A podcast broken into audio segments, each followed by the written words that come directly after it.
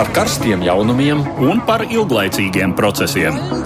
Par idejām, par cilvēkiem, par naudu un par laiku. Par abām mūsu planētas puslodēm, un lietojot abas smadzeņu puslodes. Ēterā raidījums divas puslodes. Pēc ilgāka pārtraukuma ar prieku tiekos atkal ēterā raidījumā divas puslodes, kad runājam par aktuālo pasaulē. Man sauc Aits Tomsons, man nemainīgi pastāvīgo kolēģi Edvards Liniņš. Tātad labdien visiem! Par ko tad šodien raidījumā runāsim? Runāsim par Spāniju, kur visdrīzāk būs ārkārtas parlamenta vēlēšanas. Lai gan netieša, tomēr būtiska loma politiskajā krīzē ir arī Katalānijas neatkarības centieniem. Spānijas politiķiem nākas rēķināties ar pieaugušo spriedzi no dažādām pusēm. Savukārt Madridē sākusies tiesas prāva pret virkni katalāņu politiķu, kurus Spānijas tiesa apsūdz dumpja rīkošanā. Itālijas un Francijas attiecības ir pārāk svarīgas, lai tās sabojātu, tāpēc telefona sarunas esat secinājuši abu valstu vadītāji. Starp valstīm pēdējā laikā ir ļoti pieaugusi spriedze. Francūža pat atsauc uz konsultācijām savu vēstnieku no Itālijas. Jāatzīst, ka Itālijas valdības rīcība ir raisījusi lielu interesi ne tikai Francijā vien. Veidojot dažādu valstu politiskos profilus, šodien uzmanību pievērsīsim Turcijai. Turcija ir NATO dalība valsts, ir ilglaicīgs Eiropas Savienības partneris, taču tās pēdējās politiskās norises raisījušas bāžas, sevišķi Eiropā. Tuvināšanās Krievijai, iesaldētas sarunas par iestāšanos Eiropas Savienībā, Tomēr arī aktīva cīņa pret terorismu un sadarbība ar to pašu Eiropas Savienību bēgļu problēmas risinājumā, kāda būs Turcijas ietekme nākotnē pasaules politiskajos procesos. Klausītāji, kas lieto Twitter, ir savukārt lūgt tuvākajās minūtēs vēl arī atbildēt uz jautājumu par Spāniju un Kataloniju, vai jūsuprāt Eiropas Savienībai būtu vairāk jāiesaistās Madrids un Barcelonas attiecību krīzes risināšanā, jā vai nē. Šo Twitter jautājumu varat atrast Latvijas radio viens kontā, tātad Twitterī, Latvijas radio viens. Protams, gaidām arī komentārus no mūsu mājaslapas. Un šobrīd studijā bez mums ir arī Latvijas televīzijas žurnāliste Paula Justoviča. Labdien! Labdien! Un Latvijas Universitātes asociētais profesors Ojārs Skudra. Labdien! Labdien. Un mēs sākam raidījumu kā parasti ar dažām ziņām īsumā.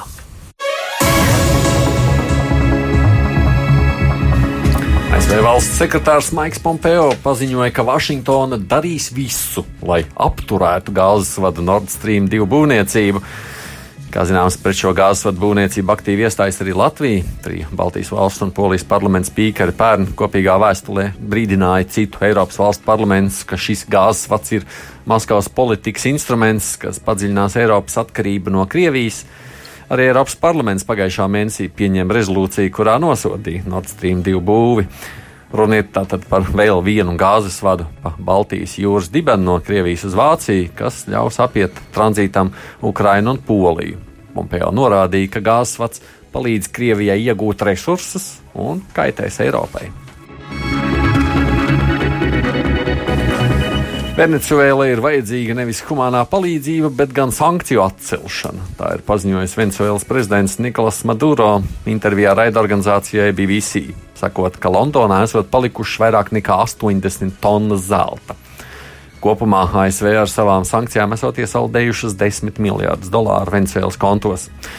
Tiesa valstī krīze ilgst jau daudzus gadus, bet sankcijas ir salīdzinoši nesenāk ieviestas. ASV ir paziņojis, ka kontroli pār resursiem nodos Venecuēlas opozīcijas līderim Juanam Gvaido, tiklīdz Maduro būs atdevis viņam varas grožus. Savukārt Gvaido, kuru par Venecuēlas patieso līderi atzinuši aptuveni 50 valsts, ir aicinājis gādāt, lai Lielbritānija neatdod zeltu vai citus glabātos Venecuēlas aktīvus Maduro. Tiesa Francijas investīcija banka apgalvo, ka Londonā tiek glabāta tikai 31 tonu zelta, kur vērtība ir 1,3 miljardi ASV dolāru. Ir valsts, kuras tiek piespiestas dzīvot taupīgi, taču ir tādas, kas atļaujas tērēt diezgan brīvi. ASV nacionālais parāds sasniedz jaunu rekordu - 22 triljonus ASV dolāru. To liecina publicētie finanšu ministrijas dati. Parādi ievērojami palielināja ASV prezidenta Donalda Trumpa ierosinātā nodokļu samazināšana, kas 2017. gadā tika pieņemta tolaik republikāņu kontrolētajā ASV kongresā. Taču valsts parāds ir audzis desmitiem gadu, un tā pieaugums kļūst straujāks tieši pēdējos gados dažādu prezidentu laikā.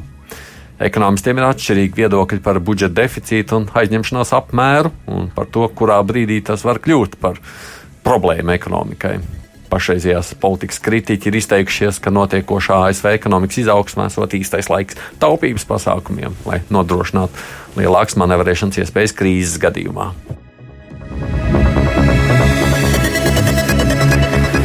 Krievijas karavīri turpmāk nedrīkstēs izmantot vietālruņus.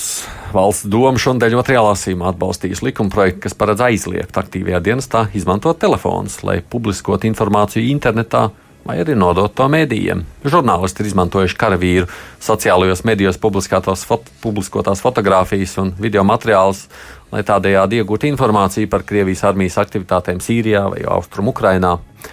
Valsts domas aizsardzības komiteja, kas izstrādāja šo likumprojektu, apgalvoja, ka mērķis esot garantēt nacionālo drošību informācijas sfērā un aptvert informāciju, kas nav uzskatām par militāro. Parasts mobilos telefons bez kamerām nav paredzēts aizliegt, un karavīri drīkstēšot izmantot vietāluņus atvaļinājuma laikā.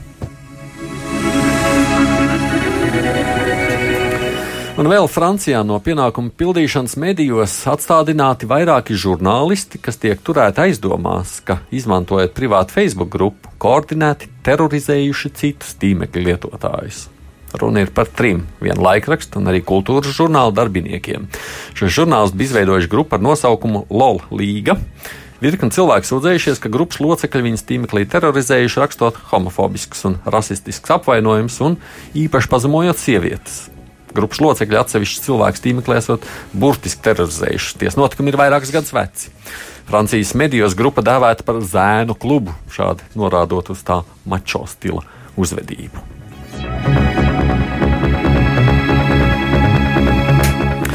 Bet nu pievēršamies tagad sākumā minētajiem tematiem, un vispirms mūsu uzmanības lokā būs Spānija. Trešdien Spānijas parlamenta vairākums noraidīja sociālistu partijas iesniegto budžeta projektu, tā padarot ļoti ticamas ārkārtas vēlēšanas. Jau pirms balsojuma premjerministrs Pedro Sančes pieteica šādu virzību negatīva balsojuma gadījumā, lai gan galīgo lēmumu Spāņu sociālistu līderis grasās paziņot pēc valdības sēdes piekdien. Sančesa valdībai parlamentā nav absolūtā vairākuma, un tai nākas paļauties uz mazo reģionālo partiju, tā skaitā divu Katalonijas partiju atbalstu. Tieši Kataloni šoreiz bija tie, kas pievienojās opozīcijas labējām partijām balsojumā pret budžetu. Katalāņu neapmierinātību izraisījusi valdības striktā nevēlēšanās ielaisties jebkādās diskusijās par Katalonijas neatkarības referenduma rezultātiem. Stāvokli vēl vairāk nokaitējis otrdien sāktais tiesas process, kurā 12 Katalonijas neatkarības kustības līderi apsūdzēti par dumpja rīkošanu. Tā Spānijas tiesa kvalificējusi autonomijas neatkarības procesu, kas kulminēja referendumā 2017. gada 1. oktobrī. Notiesājuši spriedumu gadījumā apsūdzētiem draud līdz pat 25 gadiem cietumā. Bijušais Katalonijas līderis Karles Puģdemons uz šo prāvu reaģēja pārmetot Eiropas Savienībai, ka to vairāk interesē notiekošais Venecuēlā, nevis Madridē. Tikām labējā opozīcija, bijušā premjera Marijāno Rahoja Tautas partija un Pilsoņu partija, apsūdz sociālistus pārliekā piekāpībā katalāņu separātistiem un aicina viņus nevēl garumā ar ārkārtas vēlēšanām. Tiek gan prognozēts, ka arī pēc šīm vēlēšanām Spānijas politisko spēku izkārtojumā nekas radikāli nemainīsies. Atgādini tātad kopā mums arī Paulis Tovičs šajā skudra runājot par katalāņiem vispār. Tur ir kaut kāda kustība, vai tas tāds, nu jau jāsaka, ilgstoši iesaldēts jautājums, kurā nekas īsti nemainās, Paula. Nu, man šķiet, Spānijas konstitūcijā ir skaidri noteikts, ka secesija nav pieļaujama, un es domāju, ka no Madrides puses šajā ziņā nekas nemainīsies. Un es domāju, ka katalāņi var cīnīties par lielāku ietekmi valdībā. Mēs arī tagad redzam, ka Sančesa mazākuma valdība ļoti atkarīga no šīm 17 katalāņu likumdevēju balsīm, un tāpēc, protams, ka viņi cīnās par kaut kādām piekāpšanām arī šīs autonomijas jautājumā, bet es domāju, ka Madride nekad neatzīs uh, mm. šo referendumu kā legālu. Bet, nu, katalāņi arī, nu, viņi tur paprotestē, iziet ielās, nu tā, tāda sajūta, ka tas ir tā uz, uz gadu gadiem. Tāds Nu, uh, nevar teikt, ka Spānijā nekas nenotiek. Uh, ir ievērojami augusi mm, Spāņu nacionālistu partijas Voks uh, ietekme. Uh, kurai tur iepriekšējās vēlēšanās eh, praktiski nekāda panākuma nebija. Tie, kas ir nu, Spāņu nacionālisti tādā ziņā, bet viņi ir par kopēju Spāniju, ne, ne par katalāņu. Ne, Spāņu, viņi nav katalāņu nacionālisti, jā, viņi Spāņu nacionālisti. Tātad 11,7% 8. februāra aptaujā tas ir ļoti daudz.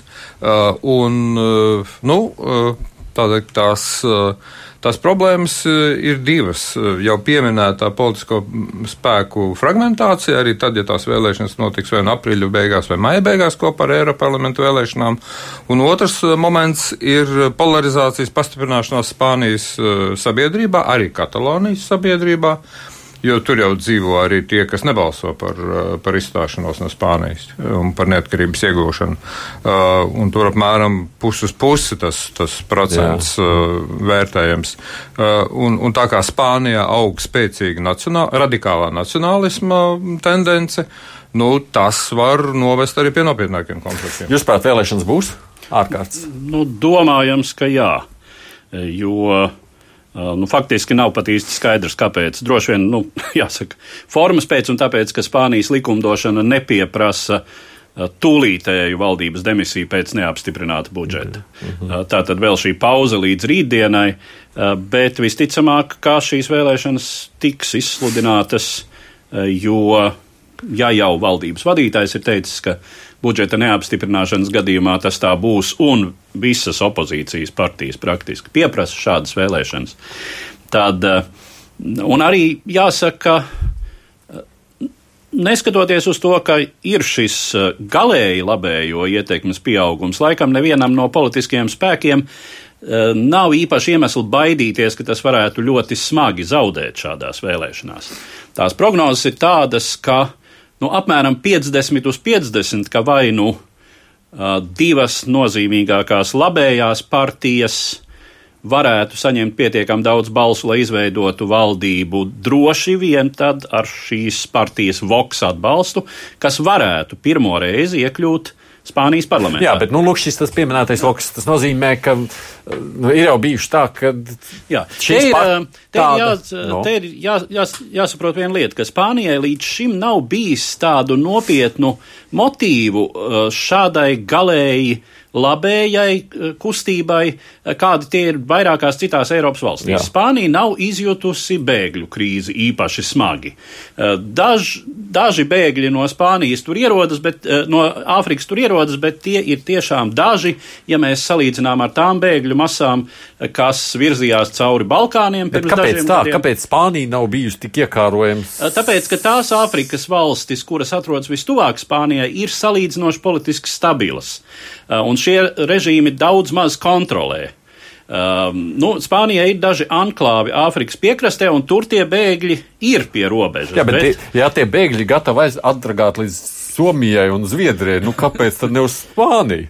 Ne, un arī Spānijas, uh, teiksim, acīm redzot, viss tā Spānijas uh, sociālā vide ir tāda, ka to bēgļu daudzumu, kuri tur ierodas, uh, Spānija diezgan mierīgi absorbē. Jā, piekrītat, jā. Bez, bez īpašām problēmām. Un lūk, Katalizators šim labējam, galēji labējam radikālismam ir izrādījusies Katalonijas secesijas kustība, kuru uh, spāņi un sevišķi noskaņo, nacionālistiski noskaņotie spāņi uzskata par galveno draudu nu, savas valsts vienotībai, un tā tas arī ir. Un ja valsts vienotība ir vērtība, nācijas vienotība ir vērtība, nu tad, protams, kā Katalonija var izraisīt tikai eh, nepatiku un radikalizāciju. Kas nozīmē, ja būs vēlēšanas, tad Pauli, šis Katalānijas jautājums varētu būt viens no tādiem būtiskiem jautājumiem priekšvēlēšanu aģitācijai diskusijās. Es domāju, ka jāņemot vērā, ka tagad šis jautājums iegāza valsts budžeta pieņemšanu. Eh, jau minēto dažu kataloņu balsu dēļ, es domāju, ka noteikti arī šīs uh, protesta akcijas, kas notika pret Sančesa valdību, ko organizēja jau minētās galē labējās partijas, es domāju, ka tas noteikti viņi to izmantos kā platformu un kā argumentu, ka ir arī šis tautas atbalsts uh, uh, šīm šobrīd opozīcijā esošajām partijām. Un šīm galēji labējām kustībām. Un tas noteikti būs arī iemesls uh, cīņai pret pašreizējo valdību un pašreizējo kārtību. Un tas jau tā kā ir risks, ka tā pretstāvēšana varētu pieaugt lielāk. Uh, nu, uh, divas mazas precizējošas piebildes. Tātad es tomēr nosaukšu to balsošanas rezultātu. Jā. 191 balss pret budžetu pieņemšanu, 158 pār. Uh, sociālistiem ir 84 vietas parlamentā. Tā bija mazākuma valdība. Jā. Līdz ar to tā cerība apstiprināt budžetu bija praktiski bezcerīga. Kas attiec uz tām katalāņu balsīm, viņas neizšķīra to balsošanas rezultātu. Bet viņas, nu, kā saka, būtu padarījuši to zaudējumu, tā teikt, maigāku. Un zināmā mērā apliecinātu katalāņu cerību, ka vēlēšanās ir jēga piedalīties, mēģināt stiprināt to kreiso valdību un, un tādējādi cerēt uz kaut kādu pretīm nākšanu tajā nu, autonomijas pastiprināšanas jautājumā. Bet, bet tagad tas jautājums e, viņiem ir tāds, vai nu viņi boikotē tās parlamentu vēlēšanas, vai nu piedalās. Nu, iespējams, ka teiksim, Spānijas vadošie politiskie spēki cer uz zināmu šķelšanos Katalonijā. Būs daļa, kas piedalīsies, un daļa, kas boikotēs. Mm. Jā, un jāatceras jau, ka Katalonija nav vienīgā Spānijas šāda uh, etniski reģionālā autonomija. Uh, un runājot par uh, Eh, runājot par autonomijas palielināšanu, nu, jāsaka, gandrīz vai tā novērtējot Katalonijas autonomiju, nu, ko tad vēl tur varētu palielināt? Nu, pilnīgi no Spānijas atdalītu valsts budžetu var būt, ja? Eh, jo autonomija ir visai ievērojama. -hmm. ja? Uh, un uh, katalāņu valodai, izglītības sistēmā, nerunājot par uh, kultūras sfēru, ir nodrošinātas ļoti lielas tiesības, nu, tāpat kā citās um, autonomijās, kā Galīsijā, kā Basku zemē. Jautājums ir, vai um, katalāņu neatkarības centieni nevar pēkšņi iedarbināt līdzīgus procesus kaut vai tai pašā Basku zemē. Tās arī droši vien ir bažas, kuras, kuras izjūt jebkurš faktiski tāds ne, ne, tikai, ne tikai labējs, bet arī, arī centrisks un kreiss spāņu politiķis. Mm. Nu, es skatos, mēs, mēs klausītājiem jautājām, vai Eiropai vajadzētu tur vairāk iejaukties iekšā. Nu, divas trešdaļas domā, ka jā no mūsu Latvijas Te, tiem klausītājiem, kas balso, ka jā, jāatgādina Romano no. Prodi doktrīna. Romano Prodi doktrīna ir tāda jau kopš 2004. gada, kad viņš vēl bija Eiropas komisijas prezidents, ka visi šitie te Uh, ieskaitot Korsiku, Flandriju un, un, un Skotiju un tā tālāk, uh, izstājoties no, eh, nu, teiksim, Skotijā tagad tās pēc Brexitā situācija, protams, būtu citādāka, bet, bet, teiksim, eh, Basku zem, Katalonija un tā tālāk, viņas kļūst par trešajām valstīm un viņām ir jāsāk iestāšanās procedūra Eiropas Savienībā, kas ir gadiem ilgi. Nu, eh, pirms tā pēdējā referenduma Katalonijas uzņēmēji eh, masveidā veica priekšdarbus, ja nu gadījumā tiešām tiek virzīti, iet tajā neatkarības virzienā, lai, lai pārcelt savu ražošanu prom uz citām Spānijas teritorijām, sagatavojumu, jau tā kā tas notiek pat labam ar Brexit. Tā kā, mm, vārdu sakot, un, un, un Junkers ir apstiprinājis šo Prodi doktrīnu, uh, tā liek Spānijas iekšējā lieta, kārtojiet savus jautājumus, bet tikai ņemiet vērā, jūs kļūstat par trešo valsti. Mm. Nu, pāris komentāru no twitterotājiem. Valdemārs Burģis raksta, gan Madridē, gan Barcelonā ir augsta attīstības līmeņa Eiropas publika un ar milzīgu un praktiski neizsmeļamu uzticības kredītu, tāpēc šobrīd iejaukšanās no malas ir nepieņemama. Un arī Vilnis Henriksons raksta, ka katra nācija, kas to vēlas, var veidot savu valstu, un citām nācijām šajā jautājumā nav nekāda lemšanas tiesība. Tā var būt tikai viedoklis. Nu, Eiropas Savienība var piedalīties tad, ja šī piedalīšanās pilnīgi noteikti var kalpot kā zināms amortizējošs faktors. Un tas nozīmē tad, ja to pieņem un tam piekrīt kā Madrida, tā Barcelona. Mm. Citā gadījumā Eiropas Savienības kaut kāda iejaukšanās ir gana bīstama, kaut vai tāpēc, ka tā tūdaļ veicinātu pilnīgi noteikti Spānijas publikā eiroskeptiskas tendences. Mm. Tātad Brisele mums diktē, kā mums kārtot mūsu iekšējos nacionālos jautājumus. Un, protams, ka to neviens Briselē arī negrib. negrib. Pabeidzot vēl šo Spānijas, Katalānijas tematiku, ar ko beigsies tas tiesas stāsts, jo šobrīd jau cik politiķis tur tiesā, un tas jau arī ir raisījis demonstrācijas. Jā, daudz jau to nosaukuši par tādu kā paraugu prāvu, skatīsies, eh, eh, vai tiesas lēmums būs, eh, nu, kaut cik demokrātisks, vai tomēr tās tiesas ir politizētas un tomēr vairāk pieslējas tam Madrides viedoklim. Paraugu prāvu to, to, to mēdz saukt tādā ziņā, ka tas varētu būt arī kā brīdinājums citām separātistu kustībām, kas jau tika pieminētas ne tikai Spānijā, arī citās Eiropas valstīs. Un, Nu, tas būs tāds liels tiešām izaicinājums uh, Spānijas uh, demokrātijai uh, un, un tiesa ties institūcijai. Nāksies sēdēt viņiem tur tos cik 25 gadus? Nu, 25 diezinu, vai tas būtu tāds drakonisks solis, bet. Dažus nāksies, jā. Kas to zina?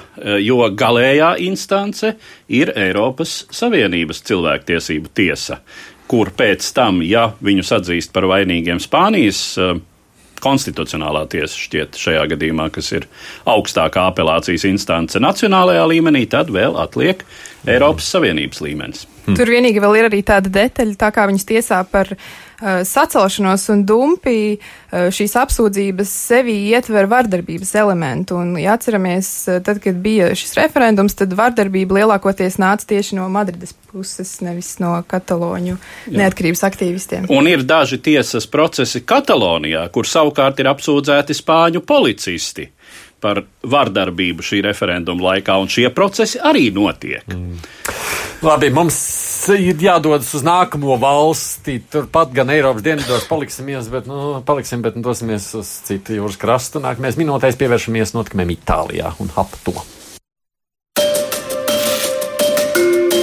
Pirms nedēļas notikusī Francijas vēstnieka Itālijā atsaukšana uz Parīzi konsultācijām ir skandaloza situācija divu Eiropas Savienības valstu attiecībās. Starptautiskajā diplomātijas praksē šāds solis nozīmē nepārprotamu norādījumu uz otrās puses nedraudzīgu rīcību. Jau drīz pēc tam, kad pagājušā gada jūlijā pie varas Itālijā nāca populistiskās piedzvaigžņu kustības un labēji nacionalistiskās Ziemeļlīgas koalīcija, starp Romu un Parīzi iezīmējās spriedze. Francijas centriskās valdības vadītājs prezidents Emmanuels Makrons nekad nav slēpis savu negatīvo attieksmi pret šādas ievirzes spēkiem, savulaik pat nodēvējot populismu par lepru, no kuras Eiropai jārastējas. Saprotams, Romas līderi nepalika parādā, apmētājot Parīzi ar pārmetumiem par nesolidāru rīcību bēgļu jautājumos un neokolonialisma politiku Āfrikā un paužot cerības, ka Franči tikšot vaļā no sava drausmīgā prezidenta. Tomēr šie verbālie dzēlieni droši vien nebūtu kļuvuši par iemeslu tik rasam diplomātiskiem demaršam, ja ne piedzvēgžņu kustības braļošanās ar Francijas dzelteno vestu kustību. Radusies no stihiskiem protestiem pagājušā gada rudenī, tagad dzelteno vestu kustība mēģina konsolidēties par politisku spēku un iesaistīties Eiroparlamenta vēlēšanu cīņā. Piedzvēgžņu kustības līderis un Itālijas premjera biedrs Luigi Di Maio izvērsis ar vestēm aktīvus, tā skaitā personiskus kontaktus un jau paziņojis, ka pārmaiņu vējš pūš pāri Alpiem. Tālnu vēstnieks Kristians Masē joprojām ir Parīzē, un viņa atgriešanās datums Romā pagaidām nav zināms. Jāpiebilst, pretrunas ar Franciju nebūtu nav vienīgais spriedzes avots Itālijas pašreizējās valdības attiecībās ar Eiropas partneriem. Ziemeņlīgas līdera un premjerministra Mateo Salvīnī deklarētā vēlme panākt Eiropas sankciju mīkstināšanu pret Krieviju vai vismaz nepieļaut sankciju sarakstu paplašināšanu ir krasā pretrunā ar Lielbritānijas, Baltijas valstu un arī Polijas nostādnēm šajā jautājumā jautājumā.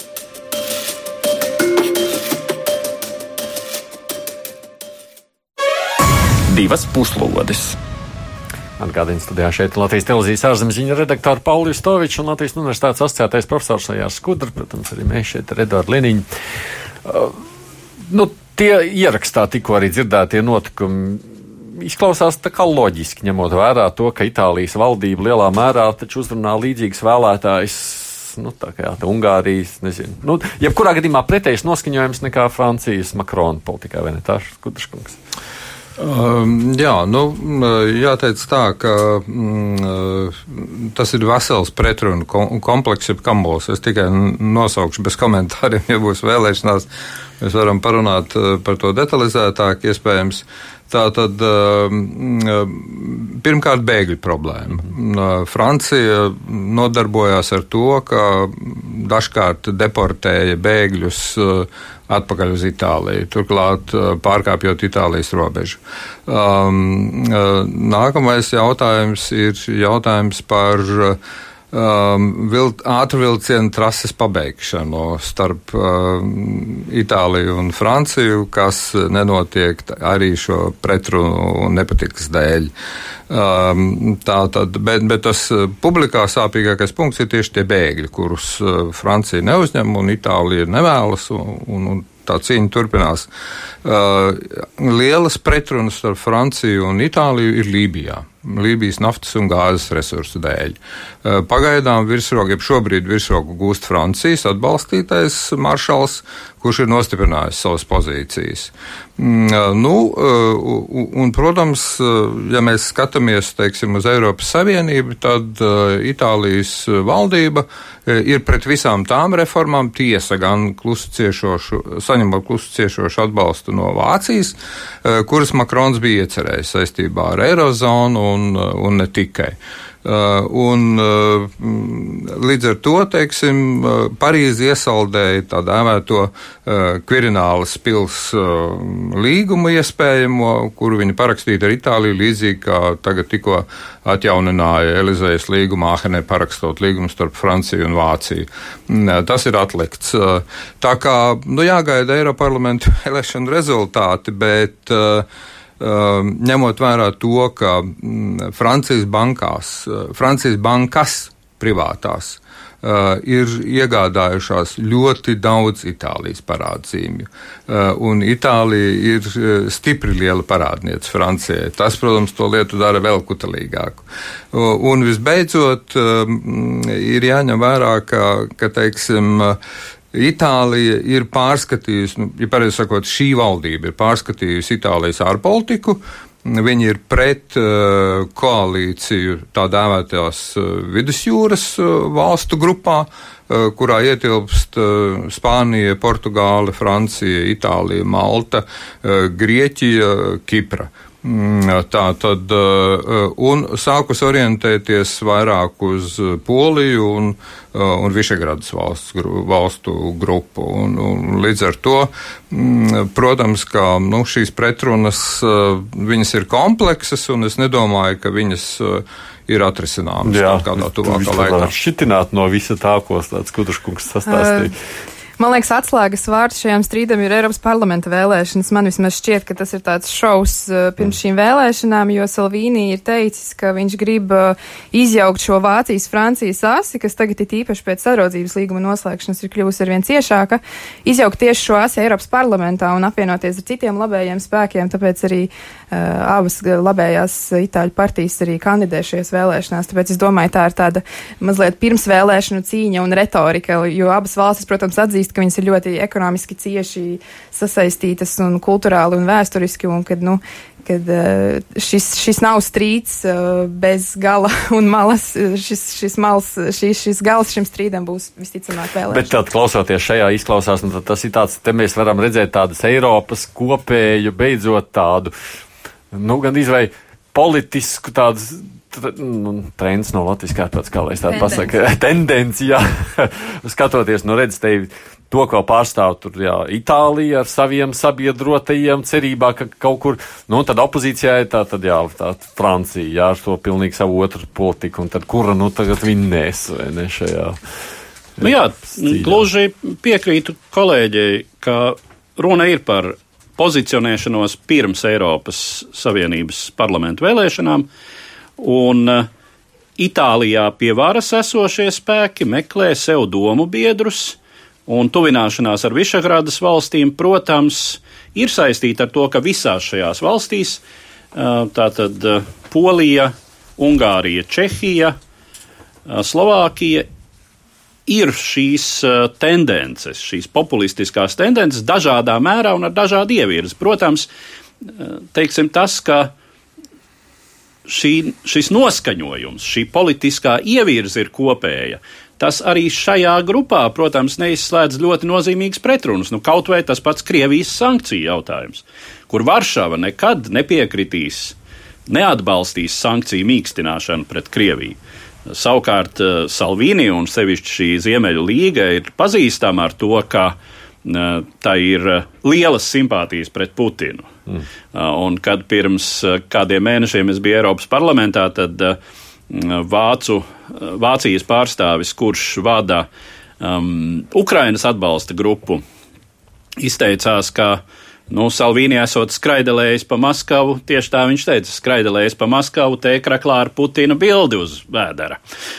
Un, un vispār pagājušā rudenī, kad, kad šis jautājums bija sevišķi aktualizējies, tieši tāpēc, ka notika Itālijas līderu vizītes Maskavā, un tad jau te jau tika solīts, ka mēs panāksim, lai sankcijas mīkstina. Nu, drusku tas ir atvēsis tāpat kā ļoti daudz, kas Itālijas vadošās, šobrīd vadošās koalīcijas politiskajā retorikā kad sākumā ir tas verbālais uzrāviens, pēc tam tā situācija tiek mīkstināta, nu, piemēram, kā ar Eiropas, kā ar budžeta problēmām ar finanšu problēmām. Nu, tā tad nākas jau piekāpties kopējam Eiropas viedoklim, bet zināms bremzējošs faktors šai sankciju jautājumā Itālija. Ir un droši vien būs. Mm. Un, jā, nu, ļoti daudz ko, protams, izšķirs tas, kā, tas, kādi būs Eiropas parlamentu vēlēšana rezultāti, bet tas, ko mēs varam secināt, ir nu, Eiropas kopējās politikas iespējas uz nacionālo politiku acīm redzami kļūst arvien jūtamāks. Tas ir jūtamāks nekā tas bija pirms vēl desmit gadiem. Vajad, tāpēc, ka varbūt iepriekš nebija tāda vajadzība. Bet, ja mēs tādu skatāmies, nu, tad redziet, ja Francijā mainīsies vēl, nu, pieņemsim, valdošā iekārta un tur tādas zeltainās vestes kļūs pie varas, tad jau attiecīgi sakārtosies. Zeltainās vestes nevar, nevar nonākt pie varas Francijā. Bet, nu, labi, lepēna. Uh, arī nē. Arī nē. Uh, vai sakot, zeltainās vestes ir, ir ļoti interesanta tēma, par kuru būtu jāveido, manuprāt, speciāls raidījums. jo, jo es atļaušos pakritizēt Latvijas mēdīs vispār. Tā informācija par zeltainajām vestēm Latvijā ir ārkārtīgi fragmentāra un vienpusīga. Tā enda ir nesalīdzinām daudzpusīgāk. Uh, tātad, bet viņa Eiropas parlamenta vēlēšanās piedalīsies, un, un jautājums ir par ko citu. Jautājums ir par jauno Eiropas komisijas sastāvu, kas tiks izveidots šā gada rudenī, eh, un komisāru no, no Itālijas. Uh, un viņa nostāju, kādu resoru viņš saņems, un, un viņa nostāju. Un, un otrs lielais jautājums ir nacionālistu, nacionāli radikālu uh, deputātu liela frakcija. Nu, viņi sapņo par aptuveni trešdaļu vai, vai ceturdaļu Eiroparlamenta deputātu, kas tādā gadījumā ievērojami ietekmēs to, uh, nu, kādus lēmumus diskutēs un pieņems Eiroparlaments. Jā, lai gan jāsaka, ka Eiropas Itālijas komisāra saņemtais portfelis ļoti lielā mērā arī būs atkarīgs no viņa pozīcijas. Ja viņš būs marginālis pārējo komisāru vidū, tad viņš visdrīzāk saņems kādu. Uh, nu, ne, nepārzinu visu šo sarakstu, bet nu, katrā ziņā ne finanšu stabilitātes vai teiksim, mhm. kādu enerģētikas vai kādu citu gana nozīmīgu. Nu, tā, problēma, tā problēma, kas attiec uz Latviju, viņai jābūt ļoti uzmanīgai ar šo Itālijas komisāru, jo Itālija ir ceturtā lielākā maksājošā valsts eiro budžetā. Mm. Nevis uh, neto saņēmēja valsts. Lai gan raksts, ja Salvīniem vēl tikai skraida pa Kremlu, tad Šreders tur jau sēž desmit gadus un uzskatīt, ka Kremlim izdevies piebrot tikai itāļus, taču tas būtu maldīgi. Piezīme vietā. Jā. Nu, vienīgais, tad, ko noslēdzot šo tematu, mēs varam sacīt tā, ka līdz vēlēšanām mēs daudz kustības, kuras mēs redzam Eiropā, mēs varam saprast, ka tas ir tāpēc, ka tuvojas Eiropas parlamentu vēlēšanas. Ja? Kas attiecas uz Itālijas un, un Francijas konfliktu, es nu, nepiekrītu personīgi. Protams. Jo nu, vēstnieka atsaukšana uz konsultācijām, tas diplomātijā jau ir ļoti bargs žests. Nu, te jau vai nākamais jau ir diplomātisko attiecību pārtraukšana, kas principā parasti ir prelūdija kara pieteikumam. No, tas nenotiks līdz Eiropas parlamenta vēlēšanām. Tas, nu, tas nu nenotiks. Noteikti, jā. Jā. Labi, paldies jums. Tik tālu esam gājuši runājot par šo tematu. Mums ir vēl viens temats paredzēts šodien. Valstu profils veidojot. Šoreiz pievērsīsimies Turcijai. Modernās turku valsts pamati tika likti pirms simts gadiem, kad sabruka Pirmajā pasaules karā sakautā Osmaņu impērija, un pēc kara Turcijas priekšgalā nostājās bijušās sultāna armijas feldmaršals Mustafa Kemals. Viņš palika valsts vadībā līdz pat savai nāvei 1938. gadā, būdams līderis ar milzu autoritāti, kuram 1934. gadā Turcijas parlaments oficiāli piešķīra pagodinošo pievārdu Ataturks, turku tautas tēvs. Kemals īstenoja radikālu valsts un sabiedrības modernizāciju, dažos gados demontējot islāma reliģiskajās normās balstīto politisko, tiesisko un izglītības sistēmu un veidojot rietumu paraugu sekulāru sabiedrību. Par valdošo ideoloģiju kļuva turku nacionālisms. Ataturka vadītā republikāniskā tautas partija faktiski palika vienīgais politiskais spēks valstī līdz pat 1945. gadam. Ārpolitiski Turcija šajā laikā saglabāja neutralitāti tikai simboliski simboliski iesaistoties Otrā pasaules kara antihitleriskajā koalīcijā, bet pēckara periodā Padomju Savienības agresīvie mēģinājumi pakļaut Turciju savai militārai kontrolai padarīja to par Savienoto valstu sabiedroto un NATO dalību valsti. Republikāniskās tautas partijas zaudējums 1950. gada vēlēšanās iezīmēja jauna posma sākumu Turcijas republikas iekšpolitikā. Savas pozīcijas politiskajā ainavā sāka nostiprināt gan reliģiski konservatīvas, gan arī radikāli kreisas un labējas ievirzes spēki. Politiskajos procesos vairāk kārt iejaucās armija, gāžot civilās valdības, tomēr neiedibinot ilglaicīgas militārās huntas. Sevišķi satricinājumiem bagāti bija pagājušā gadsimta 70. gadi, kad sadursmes starp labējiem ultranacionālistiem un radikāli kreisajiem prasīja vairākus tūkstošus dzīvību. Valsts dienvidu austrumos izvērtās kurdu minoritātes bruņotā cīņa, kuras priekšgalā nostājās radikāli kreisā Kurdistānas strādnieku partija. Zinām, stabilizācija notika pēc ilgākā militārās pārvaldes posma no 1980. līdz 83. gadam, kad premjera Turgota Ozela valdība panāca ekonomikas uzplaukumu un 1987. gadā tika uzsāktas sarunas par Turcijas pievienošanos Eiropas kopienai. Tomēr nākamā desmitgade iezīmējās ar nestabilām koalīcijas valdībām, ekonomiskās izaugsmes palēnināšanos un vēl vienu valdības atkāpšanos pēc armijas pieprasījuma. 2002. gadā parlamenta vēlēšanās uzvaru guva Stambuls mēra Reģepa Tadžipa Erdogana valdītā taisnīguma un attīstības partija, kurai izdevies palikt pie varas līdz pat šodienai. Balstoties samērā stabilajā ekonomikas izaugsmē, Erdogans un viņa partija sabiedrības vairākuma acīs kļuva par stabilitātes garantu. Tomēr pēdējos gados varas koncentrācija valsts līderu rokās viņa arvien autoritārākā stāja jau iegūst diktatoriska režīma iezīmes. 2016. gada jūlijā valstī notika militāra apvērsuma mēģinājums, kuru daudzi gan uzskata par varas inspirētu. Tīrīšanas armijā, valsts iestādēs un izglītības sistēmā pēc 16. gada jūlija notikumiem bija tik straujas un masveidīgas, ka liek domāt par iepriekš sagatavotu akciju. 2017. gada 16. aprīļa referendums padarīja Turciju par prezidentālu republiku, konstitucionālā līmenī nostiprinot Erdogana varas dominanti. Kas tad ir par iekārtu Turcijā? Mēs varam teikt, tur ir autoritārs režīms, jā? Nu, gluži autoritārs režīms tas nav. Politiskās partijas darbojas. Parlamentā vēl joprojām pastāv nozīmīga politiskā opozīcija bet, protams, varas konsolidācija valdošās elites un uh, Erdogana rokās uh, ir uh, ļoti nozīmīga. Preses brīvība ir radikāli mazinājusies. Vispār disidentisms ir teiksim, vajāts, salīdzinoši vajāts un represēts visos nozīmīgākajos starptautiskajos reitingos Turcija tiek minēta vai nu kā mm, nebrīva valsts, vai šis angļu apzīmējums flawed uh, uh, democracy. Nu, tā tad uh, um, nepilnīga, jā, nepilnīga demokrātija. Demokrātija, burtiski tulkojot, bojāta demokrātija. Bet es atceros, ka, nu, nu, kad es savulaik pirmā reize, laikam, 90. gados vēl biju Turcijā, un viņi taču tur tā ar savu Ataturku lepojās. Tur, nu, tur tā. Lepojas joprojām, jā. Jā, bet nozīme mazinās tagad tādā ziņā, jo tur jau tieši viņš kā tāds demokrātijas, jeb rietumnieciskuma, nu, Turcijas pārveidotājs. Ar to rietumnieciskumu es uzmanītos uh, modernizācijas. Viņš bija Turcijas modernizācijas aizsācējs, teiksim tā.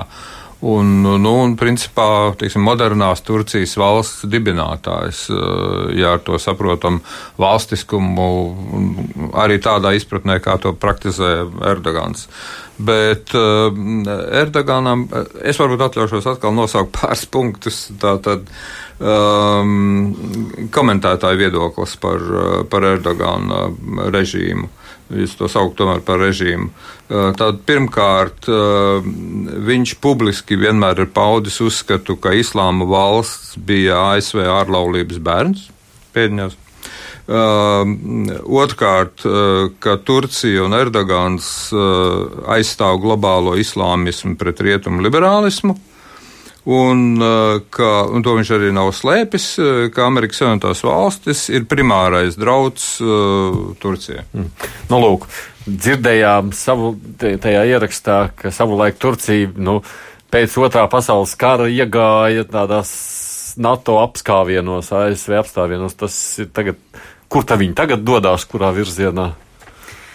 Nu, līdz ar attiecību pasliktināšanos ar rietumvalstīm, tajā skaitā gan Eiropas Savienība, gan ASV, eh, nu, Turcija diezgan tādu dabīgu aliansi izveido arī ar Krieviju, jo šeit arī sakrīt intereses Sīrijā, šobrīd ar Sīriju, Irānu. Uh, Turcija sarunājās par Sīrijas šo miera procesu, kā, protams, viņi vēlas būt pie sarunu galda, un nu, šī dabīgā alianse izveidojas ar arī autoritārām valstīm.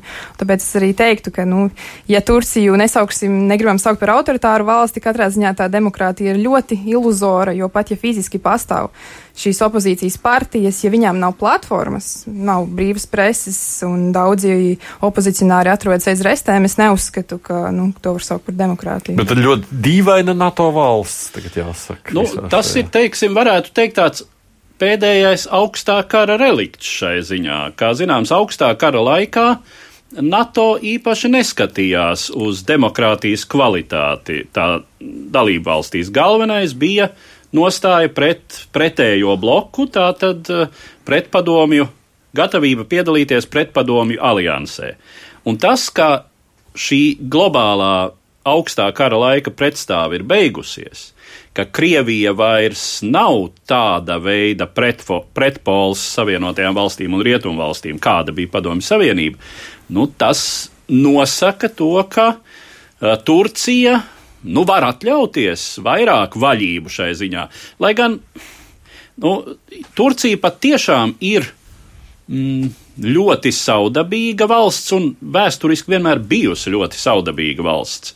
Uh, tiešām atkal jāsaka ļoti līdzīga Krievijai šai ziņā, kas ir Eiropas un Āzijas robežu zona, un kur šīs vērtības uh, šo vērtību iesakņošanās vienmēr ir ar lielām atrunām un lielie, lielām jautājumzīmēm. Un uh, Kemāls Ataturks uh, lielā mērā būtu salīdzināms ar Pēteru I. Mhm. Uh, kurš, jā, piespieda turkus valkāt eiropiešu drēbes uh, un lietot latīņu alfabētu burtus, līdz tam lietoto arābu burtu vietā, arābu rakstības vietā. Bet, teiksim, tā būtiskā Eh, Eiropas pilsoniskās sabiedrības būvniecība tādā vērtību nozīmē, nu, jāsaka, arī droši vien nebija īsti iespējama Turcijā. Mm. Tas ir process, tikpat sarežģīts process, kāds tas ir Krievijā. Mums šobrīd klausās arī politologs un politiķis Sveikos Polīts. Sveiko, labdien! Labdien! Kā tad jūs diagnosticētu šobrīd šo situāciju Turcijā? Klausoties kolēģu diskusiju, visnotaļ pareizi, kaut gan Eduardam Liniņam piebilstu, ka salīdzinājums ar Krieviju ir itin uh, pareizs, kaut gan ir lielas atšķirības, jo Kemala Atatürka uh, projekts uh, tomēr atšķīrās no Krievijas ar to, ka tomēr šodien Turcijā šīs attiecības ir apmēram 50-50. Ja mēs skatāmies gan referendumu par konstitūcijas un valsts ietvara maiņu, gan arī pēdējās pašvaldību vēlēšanas, tad lielajās pilsētās mēs redzam atšķirīgu rezultātu nevis kā laukos. Un līdz ar to tas salīdzinājums būtu 50 pēc 50, 50 uh, uh, ticīgo uh, vai islāma pārstāvju uh, Turcija un 50% laicīgās varas pārstāvju. Tā kā šī pretimstāvēšana joprojām pastāv un tā arī padara to Turcijas šī brīža situāciju kā neizdevušos demokrātiju vai, vai gandrīz vai diktatūru, jo vienkārši uh, gan prezidents Erdogans un viņam stāvošais, kab, uh, viņam, viņa kabinets zina, ka viņi nevar tā vienkārši padarīt visu pēc sava ģīmuma līdzības, un to pašu zina arī laicīgās varas pārstāvi un demokrātiskas Turcijas uh, aizstāvi. Tā kā šajā gadījumā, protams, lielais jautājums ir par ekonomiku, un ja mēs šodienas situācijas skatos, tikko bija Turcija arī ir um, līdzīga situācija, kā mums bija Latvijā apmēram 2008. gadā. Ar tādu atšķirību, ka cilvēki nevis atklāti to runā, jo, kā arī kolēģi jums studijā teica, uh, mēdīji nav brīvi Turcijā, līdz ar to cilvēki kurni ķēķos nav apmierināti ar situāciju, bet ekonomika būs tā, kas um, mainīs lieku, lietas atvaru Turcijā, jo šobrīd tekošā konta deficīts ir apmēram 20% no IKP. Uh, šobrīd pirmās zīmes parādās, ka sakarā ar Brexit uh, rietumu finanšu institūcijas sāk lēnām savus naudas līdzekļus izņemt no Turcijas, kas audzē inflāciju. Un šajā situācijā tātad divas iespējas. Vai nu Erdogana uh, vadībā ir jāpiegriež skrūves augošajai neapmierinātībai, jo arī tirdzniecības centros ir redzams, ka pamazām varās veikali ciet un recesijas pirmās zīmes sāk parādīties arī uz ielas. Jeb otra lieta ir jā, jāliberalizē visa Turcijas ekonomika, kur šobrīd vienpersoniski vada Turcijas prezidents. Tā, tā ir šobrīd Turcijas situācija. Mm. Labi, paldies Veiko, Veiko kurš regulāri arī personiski apsvērumu dēļ ir Turcijā. Kā tad izskatās, ko tad Turcija nākošajos gados aizvilks versijas? Nu, šobrīd tuvākais notikums Turcijai politikā ir eh, martā gaidāmās pašvaldību vēlēšanas, ko daudzi sauc par nu, tā kā pēdējo politisko izaicinājumu Erdoganam, jo nākamās vēlēšanas pēc tam būs tikai 23. gadā. Es pat neteiktu, ka tur ir kaut kādas uh, nu, bažas, ka viņš varētu, ka viņa partija varētu neuzvarēt šajās vēlēšanās, jo, kā mēs runājām, šī šis, šis klimats opozīcijai ir ļoti nelabvēlīgs un, un, un, un principā viņiem nav platformas, kur izpausties. Tāpēc es uzskatu, ka nu, pēc šīm vēlēšanām Erdogans būs pierādījis savu, būs pārņēmis varu, un es domāju, ka līdz 23. gadam katrā ziņā viņa varas groži, es domāju, neatslēps. Nu, tiešām jāskatās, kas būs ekonomikā, tas būs arī noteicošais tam, cik liels būs tautas atbalsts, jo, protams, cilvēki visvairāk izjūt to, ka viņu maciņi kļūst plānāki šīs gaid, nu, gaidāmās jau recesijas dēļ. Tāpēc, nu, varētu būt kaut kādi nemieri, varbūt es, nu, tā, tāda spekulācija vairāk, ja, protams, šī ekonomiskā situācija kļūs arvien dramatiskāka. Par nākotni domājot, uz ko tas valk? Uh, nu, uh, teiksim tā, mm, ir, ir grūti pateikt uh, par Turcijas uh, ekonomiskās politikas iespējām. Nu, ja ziņas atbilst patiesībai, šodien Maskavā Putins, Erdogans un Irānas prezidents tiekas un spriež par tuviem austrumiem pretēji tam, ko ASV vadībā par tuviem austrumiem spriež Polijā, Varšavas konferencē, kas liecina, teiksim, ārpolitiski, ko tas nozīmē, kas ir Erdogans. Um, tā tad, uh, kas attiecas uz ekonomisko situāciju, nu, viņi ir mazliet uh, vēl tumšākās krāsās krāsojumi nekā uh, kolēģis Polīts teica. Mm, tas, tas, tas, tā, tas inflācijas lēciens ir tik iespaidīgs, un, un Erdogans pat ir bijis spiests, es nezinu, kādā veidā tas praktiski notiek, mest tirgu dārziņus un augļus, jo privātajās tirzniecības vietās tie ir kļuvuši tik dārgi, ka ir jau izraisījuši iedzīvotāju neapmierinātību. Tā kā es neteiktu, ka tās pašvaldību vēlēšanas gluži tā beigsies skatīties Erdoganam ļoti labvēlīgā gaismā. Visticamākais, ka nē, eh, jo īsti represijas pielietot šajās vēlēšanās nu, nav pamata un arī īsti nav iespējams. Eh, un, un galvenais, kas Erdoganu satrauc, ir lielo pilsētu mēri. Uh, un, un, un Spolišu kungs atzīmē, lielās pilsētas ir noskaņotas proeiropeiski. Mm. Nu, un skatoties savukārt Krievija, ah, nu jā, arī Krievija, bet NATO, Turcija, viss šis te politiskais Jā, nu, teiksim, scenārijs, kad mums veidojas tā sacīt trejsavienība, Turcija, Irāna, Krievija ir Eiropas demokrātijai un, un vispār rietumu demokrātijai zināmā mērā murgs. Un, bet, nu, jāsaka tā, gan ārpolitiski, gan, gan ekonomiski Eh, tomēr šo trīs valstu potenciāls um, pat kopā likts. Nu, visas šīs valstis ir ļoti lielā mērā atkarīgas no ekonomiskajām saiknēm ar uh, Eiropas Savienību. Nu, faktiski uh, pirmām kārtām Turcija, uh, kura gadu desmitiem ir nozīmīgs Eiropas Savienības um, ekonomiskais partneris, un līdz ar to nu, agri vai vēlu, un drīzāk agri nekā vēlu, šīs, šī ekonomiskā atkarība liks sevi manīt. Bet, protams, no otras puses, ne Eiropa un arī, arī ne Savienotās valstis nav ļoti ieinteresētas jaukties Turcijas iekšējos politiskajos procesos un mēģināt tos ļoti būtiski ietekmēt. Un bez tam tas, ko mēs jau daudzkārt esam pieminējuši, Eiropas Savienība savukārt ir lielā mērā atkarīga no Turcijas bēgļu jautājumā, jo Turcija šobrīd ir tas valnis, kas aizkavē tuvo austrumu bēgļus. Nu, labi, teiksim, šobrīd šī bēgļu kustība uh, vairs nav tik aktīva, kā, kā tā bija bēgļu krīzes laikā, bet tomēr uh, Turcija ir šis garants. Nu, te gan atkal ir koks ar diviem galiem. Ja destabilizējas Turcijas ekonomiskā situācija, uh, tad uh, Eiropai ir vai nu jāliek tur iekšā vēl vairāk ekonomisko līdzekļu šo bēgļu jautājumu risināšanai, vai nu, atkal ir jautājums, jā, mm. kā tad, kā tad veidot savas attiecības ar Turciju. Nu jā, un stāsts par NATO, kā saka, tas ir tikai tāds nu, jautājums, kas.